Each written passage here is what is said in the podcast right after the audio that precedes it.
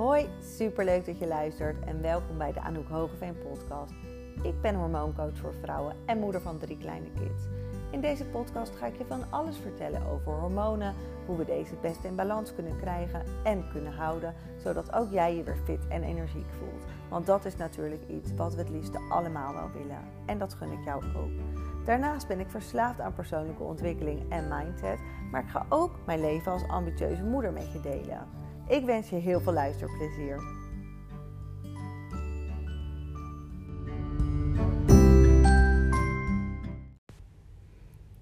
Hey, welkom bij een nieuwe aflevering. Dit is de tweede van um, nou, het start van de podcast eigenlijk.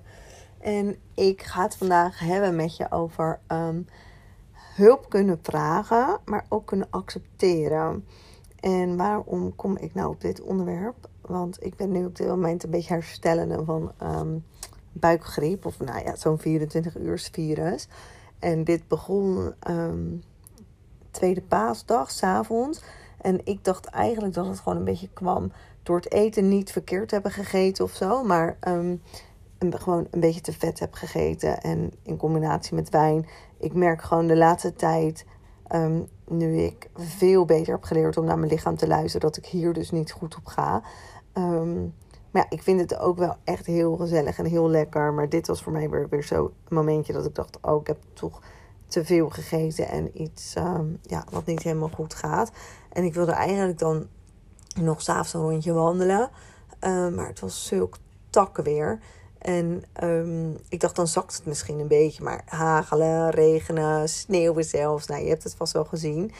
Um, dus nou, ik besloot uiteindelijk om gewoon even op de bank te blijven liggen. Was ik in slaap gevallen op de bank. En ik probeerde al die tijd gewoon die, dat misselijke gevoel gewoon een beetje weg te ademen. Ik hoopte dat het zou zakken. Op een gegeven moment ben ik om tien uur naar bed gegaan.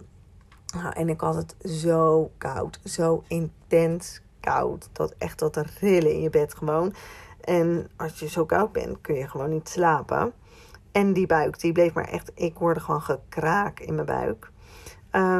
Dus ik had op een gegeven moment had ik een uh, joggingsbroek weer aangedaan. Ik had pyjama aan. Ik had nog een badjas aangetrokken. En nog een losse deken over mijn eigen dekbed. En nog steenkoud. Nou, om 12 uur volgens mij, toen kwam Tim naar bed. En um, ik ging naar het toilet. En toen ging ik me daar toch over mijn nek. En vanaf toen was het hek van de dam. En toen ben ik er de hele nacht zoet mee geweest. En uh, nou, op een gegeven moment ook diarree en nou, de whole shebang. Om drie uur s'nachts hoorde ik Len roepen... Mama, mama, kom eens, kom eens. Dus um, toen wist ik het al. Ik dacht, oh, die is ook aan de gang. Die heeft ook gespuugd. Die week daarvoor had namelijk mijn broer en zijn vriendin en um, hun zoontje... Die is één, die hadden ook zeg maar zo de buikgriep gehad, maar ook zo 24 uur. En mijn vader had het daar al van gekregen. Mijn zus was al niet lekker geweest.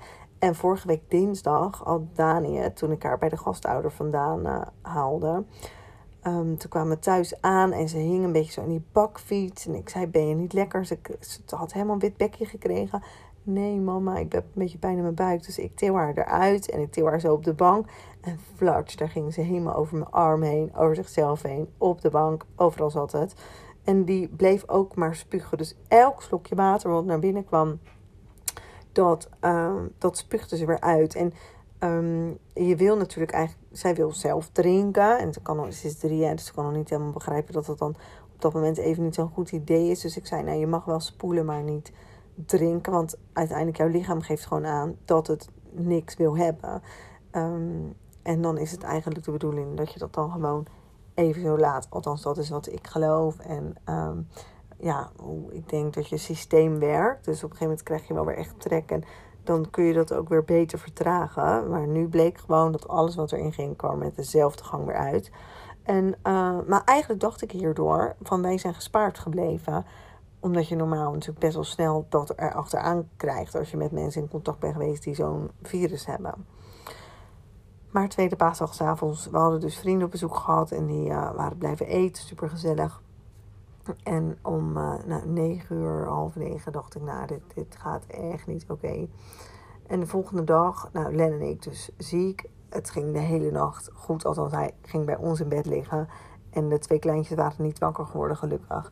Dus ik had een emmer naast mijn bed gezegd. Die had ik hem nog wel echt vier keer moeten geven ongeveer. Maar hij was op tijd, spuugde in die emmer. Dus dat was super fijn. En s'morgens, ik sta zo op uit bed om naar het toilet te gaan. En hij gaat me daar weer vol over mijn rug heen. En dus in bed. Echt hartstikke top. Maar um, anyway, Tim die ging uh, Dani naar de peuterspeelzaal brengen. En uh, ging naar de gastouder. En dan smiddags om 12 uur komt Dani uit de peuterspeelzaal. En dan brengt hij haar door naar de gastouder. En dan um, gaat hij naar zijn werk. En dan haal ik normaal eind van de dag, uh, als ik klaar ben met werken, die kinderen weer op. Um, maar ik voelde me zo slecht. En ik denk echt dat ik voor het laatst zo in bed heb gelegen. Um, toen ik net bevallen was of zo. Maar Landy zei op een gegeven moment middags... Mama, zo even naar beneden? Ik wil een spelletje doen. Toen dacht ik eigenlijk... Nee, ik wil niet naar beneden. Maar ik dacht, ja, laten we dat doen. Um, dus we gingen Dino Bingo doen. Nou, dat ventje kon die kaartjes niet eens uit de doos halen bijna. Zo slap was die. Dus nou, we hadden een half uurtje dat spelletje gedaan. Ik zei, zullen we maar weer naar bed gaan, schat? Ja, en nou, we hadden gewoon heel veel geslapen. Een beetje tv gekeken, gekeken in bed. En uh, nou, dat was onze dag. Maar toen moest ik natuurlijk die kleintjes ophalen. En toen dacht ik wel, ja, ik voel me niet echt helemaal in staat om dat te doen. En de gastenouders zouden ook niet per se blij zijn om, uh, om mij te zien. Maar um, ja, we hadden al s morgens in de groepsapp met mijn moeder van oh sterkte, nou ik kom niet bij jullie in de buurt, want uh, straks krijg ik het ook en noem maar op. Ja, nou dat snap ik ook wel. Dat ze natuurlijk ook niet op zitten wachten om eventjes zo minimaal 24 uur uit de running te zijn en je zo slecht te voelen. Uh, maar ik dacht, ja, ja, ze is wel een beetje misschien mijn enige optie. En misschien wil ze hem wel gewoon alleen de meisjes aftroppen. Dus als ik ze gewoon voor de deur af, maakt niet uit. Maar dan hoef ik me in ieder geval niet aan te kleden en de deur uit te gaan. Dus zo gezegd, zo gedaan. En dit is natuurlijk zo'n momentje van om hulp vragen. En mijn moeder vond uiteindelijk helemaal geen probleem. Want als zij dat natuurlijk wel echt had gevonden, dan uh, had ik natuurlijk wel een andere manier bedacht. Of uiteindelijk zelf gegaan. Um, nou ja, dus. Uh, en toen kwam Tim al drie kwartier later thuis. Dus al zes uur s'avonds thuis of zo. Nou, hij ook geen eetlust. Ook niet lekker. Nou, in ieder geval, hij is niet uh, gaan overgeven, spugen en zo. Maar hij had dus vanmorgen wel 39,2 koorts. Dus ja, die moet zich ook weer gaan laten testen. Op uh, corona natuurlijk. Want ja, hij voelt echt spierpijn. En dat zijn natuurlijk wel een beetje die uh, corona-achtige ja, klachten waarop je dan eigenlijk wel moet testen. Dus ik voel me alweer een stuk beter vandaag. Wel nog heel de dag in joggingsbroek een beetje de was gedaan en stof gezogen. En um, de meisjes die waren, dat was, oh ja, dat vergeet ik helemaal te vertellen. Gisteren, um, toen ze waren dus teruggebracht om vijf uur. En om half zeven, zeven uur belt mijn schoonmoeder gewoon even checken hoe het met ons is. En die zei, zal ik anders de meisjes ophalen? Dat ze hier slapen. En mijn eerste reactie was, nee, dat hoeft niet. Want waarom? Weet je, ze kunnen gewoon hier zijn. En, maar Dani hoorde dat op de luidspreker. En die was gelijk super enthousiast. Ja, ja, ik wil bij oma slapen. En mijn schoonmoeder bedoelde gewoon... Ja, dan kunnen jullie misschien even een goede nacht maken. En dan heb je niet die kleintjes. En um, ja, dan ben je hopelijk morgen weer een beetje opgeknapt. En dan kun je gewoon uh, ja, bank hangen, in bed liggen, wat jullie ook willen. Maar hoef je niks te doen en niet zo te zorgen. Dus eigenlijk dacht ik toen wel, ik vind eigenlijk dan van ja, dat, dat kunnen we toch gewoon of dat doen we gewoon. Maar toen bedacht ik me wel, waarom eigenlijk niet? Dani heeft er super veel zin in. Ik had haar pyjamaatje al aangedaan, ze had al gegeten. En um, ons ontlast het natuurlijk wel een beetje. Dus zo gezegd, zo gedaan. Die, ze kwamen dus om zeven uur de kinderen ophalen. En ik dacht nog, ah, ze moeten daar op één kamer. En ja, nou ja, straks worden zij ziek. Maar goed, mijn schoonmoeder wilde het graag. De kinderen wilden het graag. En uiteindelijk, als ik echt even goed nadacht, dacht ik... het is eigenlijk best wel relaxed voor ons ook. Dus volgende ochtend... Dani heeft tot zeven uur geslapen. Steve heeft tot acht uur zelf geslapen. En wij tot kwart voor negen. Gewoon een één stuk door. Lenny niet gehoord. Tim is niet... Nou ja, die werd dus wel kort. Maar die had de hele nacht geslapen. Ik gewoon de hele nacht geslapen. En dan ben je s'morgens echt wel weer een beetje... Um, gewoon bij mensen. Dus dat, uiteindelijk dacht ik, ja, laten we het dan toch maar doen. Maar uh, waarom nou dit onderwerp van hulp vragen en hulp accepteren, is dat ik dit eigenlijk voorheen nooit gedaan zou hebben. Niet dat ik mijn kinderen nooit wegbreng voor nachtje slapen of iets, maar niet als in, um, ik heb dat nu even nodig of zo. Maar als je het dan aangeboden krijgt En dit heb ik echt geleerd eigenlijk. Nou, ik moest wel toen ik in die burn-out ehm, zat. En dan heb je eigenlijk wel gewoon echt meer hulp nodig. En ik ben eigenlijk altijd zo een beetje dat je wil bewijzen dat je het allemaal wel zelf kan en zelf geregeld krijgt. En ja, gewoon een beetje, ja, hoe moet ik dat nou zeggen? Het is natuurlijk een beetje ego, maar dat je dat wel een soort stoer vindt. Nou, stoer is misschien het verkeerde woord, maar ja, ik, ik kan niet echt het goede woord voor vinden. Maar dat je gewoon wel gewoon ook aan de buitenwereld wil laten zien dat jij het allemaal wel regelt voor jezelf en voor je gezin. Maar voor wie, waarom is eigenlijk dan die buitenwereld zo belangrijk? Hè? Dat is natuurlijk wel echt een vraag die je zelf kan afstellen als je hier ook mee loopt. Net zoals met altijd uh, ja, je huis helemaal aan kant hebben of iets. Nou is dat hier niet zo hoor. Maar er zijn natuurlijk van die dingen dat je denkt, ja, uh, het is ons gezin. Dat je gewoon vindt dat je dat zelf moet redden. En op zich is daar ook niks mis mee. Maar als er hulp is, en weet je, over het algemeen vinden mensen het prettig om anderen te helpen. Um, ga maar eens bij jezelf na. Waarschijnlijk vind je dat gewoon ook. Heel veel mensen vinden het makkelijker om te geven dan te ontvangen. En met geven is natuurlijk helemaal niks mis mee. Maar je moet het ook wel weer in balans zien. Van um, ja, kun je het ook ontvangen en uh, jezelf die hulp accepteren. Want uiteindelijk, als jij gestrest bent om dat je alles zo perfect wil doen, het allemaal zelf wil regelen, ja, dat schiet natuurlijk helemaal niet op en dat trekt er eigenlijk juist uit balans.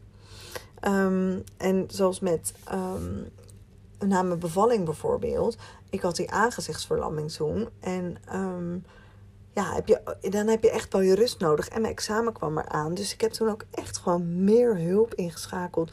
Meer momenten. Ook gewoon bij Tim gevraagd.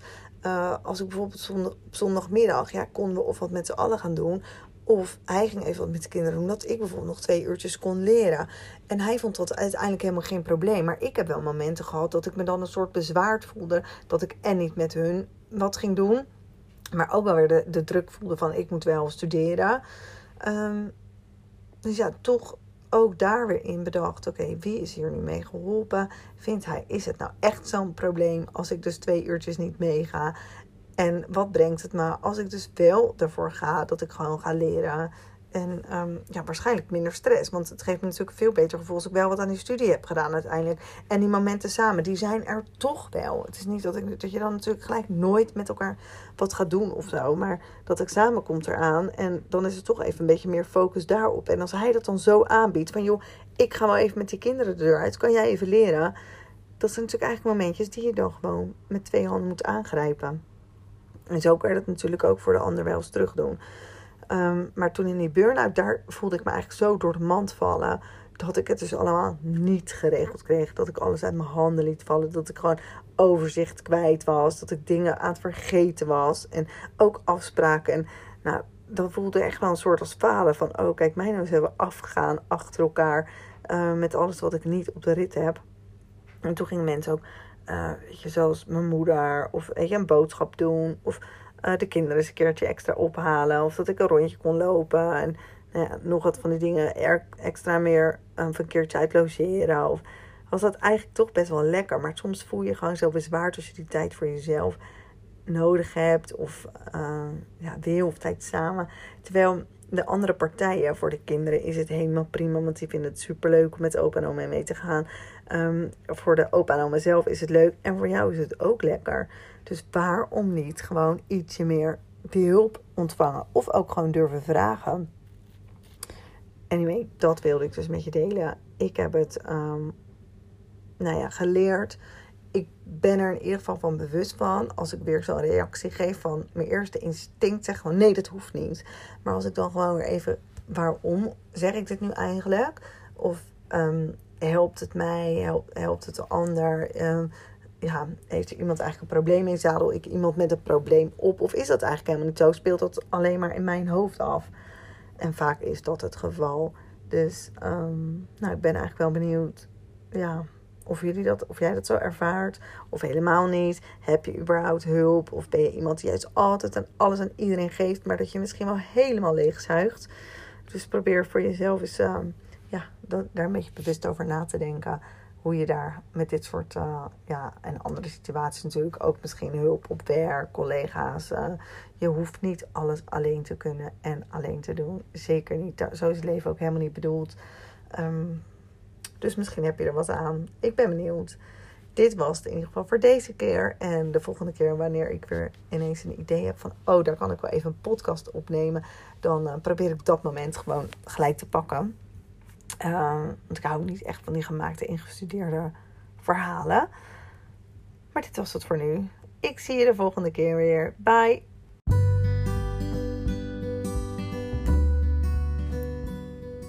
Dit was weer het einde van een aflevering.